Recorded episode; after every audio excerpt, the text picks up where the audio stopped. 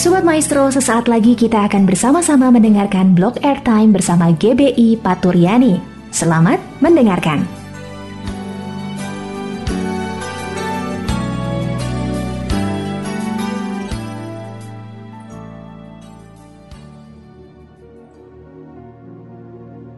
Shalom Sobat Maestro dikasih Tuhan, puji Tuhan hari ini kita bisa kembali dalam suara Paturyani. Sebelum kita mendengarkan firman Tuhan, mari kita berdoa. Tuhan Yesus, terima kasih buat hari yang luar biasa Tuhan. Kau sertai sepanjang hari ini. Kalau kami akan mendengarkan firman-Mu, biar perkataan-Mu saja yang keluar melalui hamba-Mu ini. Terima kasih Tuhan Yesus. Haleluya. Amin. Shalom Sobat Maestro yang kasih Tuhan.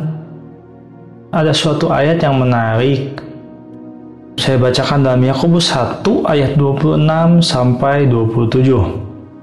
Saya bacakan Yakobus 1 ayat 26 sampai ke 27. Ayat ke-26, Jikalau ada seorang menganggap dirinya beribadah tetapi tidak mengekang lidahnya, ia menipu dirinya sendiri.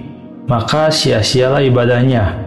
Ayat ke-27, ibadah yang murni dan yang tak bercacat di hadapan Allah Bapa kita ialah mengunjungi yatim piatu dan janda-janda dalam kesusahan mereka dan menjaga supaya dirinya sendiri tidak dicemarkan oleh dunia.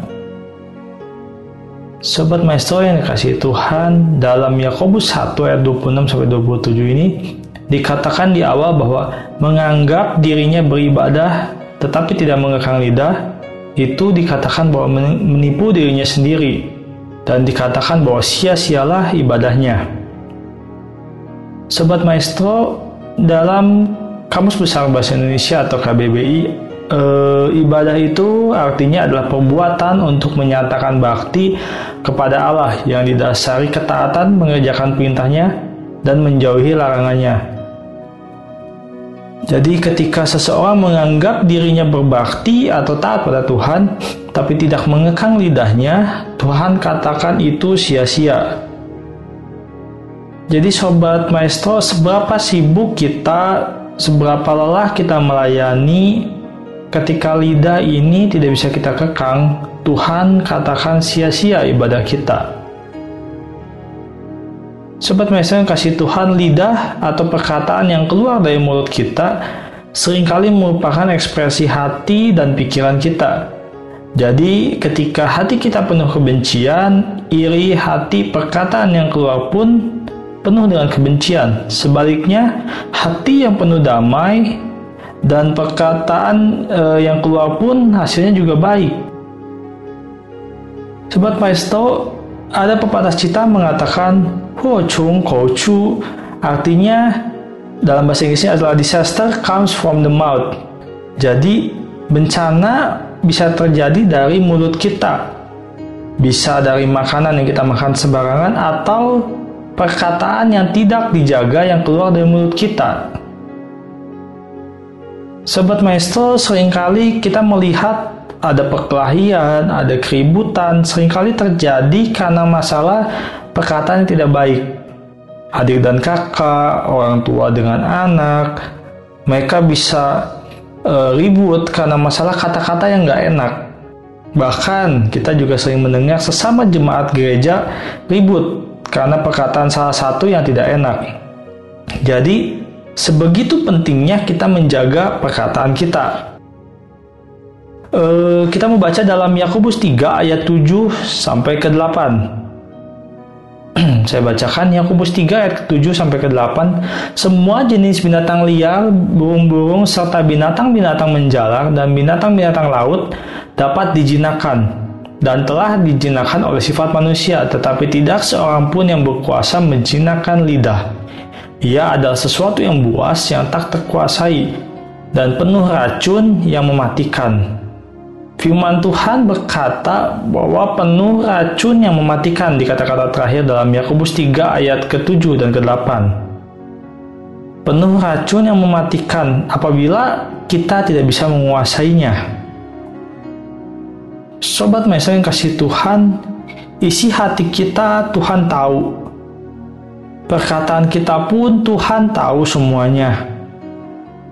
Mungkin kita bisa berkata manis, kita bisa berbohong dengan sesama kita, dengan teman kita, orang tua kita, atau bahkan dengan pendeta kita. Sedang eh, sedangkan mungkin kita bisa berkata manis, bisa berkata bohong, sedangkan isi hati kita itu adalah jahat. Manusia kita tahu sendiri bahwa manusia bisa dibohongi, tapi Tuhan tahu semua isi hati kita. Kita membaca di Mazmur 139 ayat keempat. Saya bacakan Mazmur 139 ayat keempat sebab sebelum lidahku mengeluarkan perkataan sesungguhnya semuanya telah kau ketahui ya Tuhan. Sobat Maestro yang kasih Tuhan, jadi ketika Tuhan tahu semuanya, kita berpikir, kita bisa berpikir sebelum kita berkata-kata, apakah perkataan saya ini adalah sesuai dengan kebenaran atau mengandung kebohongan? atau mengandung tipu daya. Kita bisa berpikir berpikir bahwa apakah perkataan saya ini bisa melukai perasaan orang lain atau tidak. Dan yang terutama, apakah perkataan saya ini mendukakan hati Tuhan atau tidak. Sobat Master kasih Tuhan, biarlah perkataan yang keluar dari mulut kita penuh dengan rasa syukur. Kita senantiasa memperkataan firman Tuhan, perkataan kita penuh pujian kepada Tuhan. Mazmur 35 ayat ke-28 saya bacakan Mazmur ke-35 ayat 28 dan lidahku akan menyebut-nyebut keadilanmu memuji-muji engkau sepanjang hari dan kita baca lagi Mazmur 37 Mulut orang benar mengucapkan hikmat, dan lidahnya mengatakan hukum. Kita membaca lagi dalam Yakobus 3 ayat 9 sampai ke 12. Yakobus 3 ayat 9 sampai ke 12 ayat ke-9 dengan lidah kita memuji Tuhan Bapa kita dan dengan lidah kita mengutuk manusia yang diciptakan menurut rupa Allah. Ayat ke-10 dari mulut yang satu keluar berkat dan kutuk Hal ini saudara-saudaraku tidak boleh demikian terjadi. Ayat ke-11, adakah sumber memancarkan air tawar dan air pahit dari mata air yang sama? Ayat ke-12, saudara-saudaraku, adakah pohon ara dapat menghasilkan buah zaitun dan adakah pohon anggur dapat menghasilkan buah ara? Demikian juga mata air asin tidak dapat mengeluarkan tawar. Sobat Maestro yang kasih Tuhan, jangan biarkan mulut kita ketika hari Minggu kita gunakan untuk memuji nama Tuhan, kita berkata yang baik, kita berkata yang manis. Tetapi kemudian hari-hari biasa mulut ini malah memperkatakan hal-hal yang tidak menyenangkan hati Tuhan.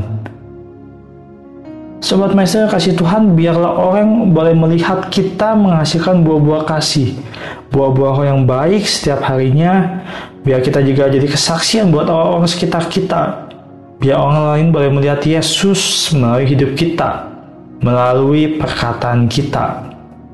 Ibrani 13 ayat ke-15 Sebab itu marilah kita oleh dia senantiasa mempersembahkan korban syukur kepada Allah, yaitu ucapan bibir yang memuliakan namanya. Amin buat firman Tuhan, biarlah perkataan kita senantiasa menyenangkan hati Tuhan jadi berkat buat orang sekitar kami. Saya Joy Christian, Yani, Tuhan Yesus memberkati. Mari kita berdoa. Tuhan Yesus terima kasih buat firman-Mu hari ini Tuhan. Kami percaya Tuhan ajakan kami untuk menjaga lidah, bibir kami, perkataan kami Tuhan. Biarlah yang keluar melalui perkataan kami adalah firman Tuhan dan perkataan yang menyenangkan hati Engkau Tuhan. Terima kasih Tuhan. Biar Kudusmu memampukan kami untuk melakukan setiap firman-Mu dan kami juga perlu Engkau untuk melakukan segala sesuatunya Tuhan, untuk melakukan firman-Mu. Terima kasih Tuhan Yesus, Engkau baik, sertai kami sepanjang sisa waktu ini, dan kami perlu Engkau. Terima kasih Tuhan Yesus, Engkau baik, sangat baik buat kami. Haleluya. Amin. Terima kasih. Tuhan Yesus memberkati.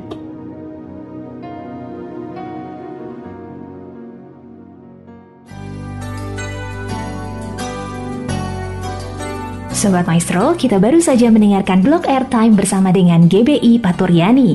Terima kasih atas kebersamaan Anda. Tuhan Yesus memberkati.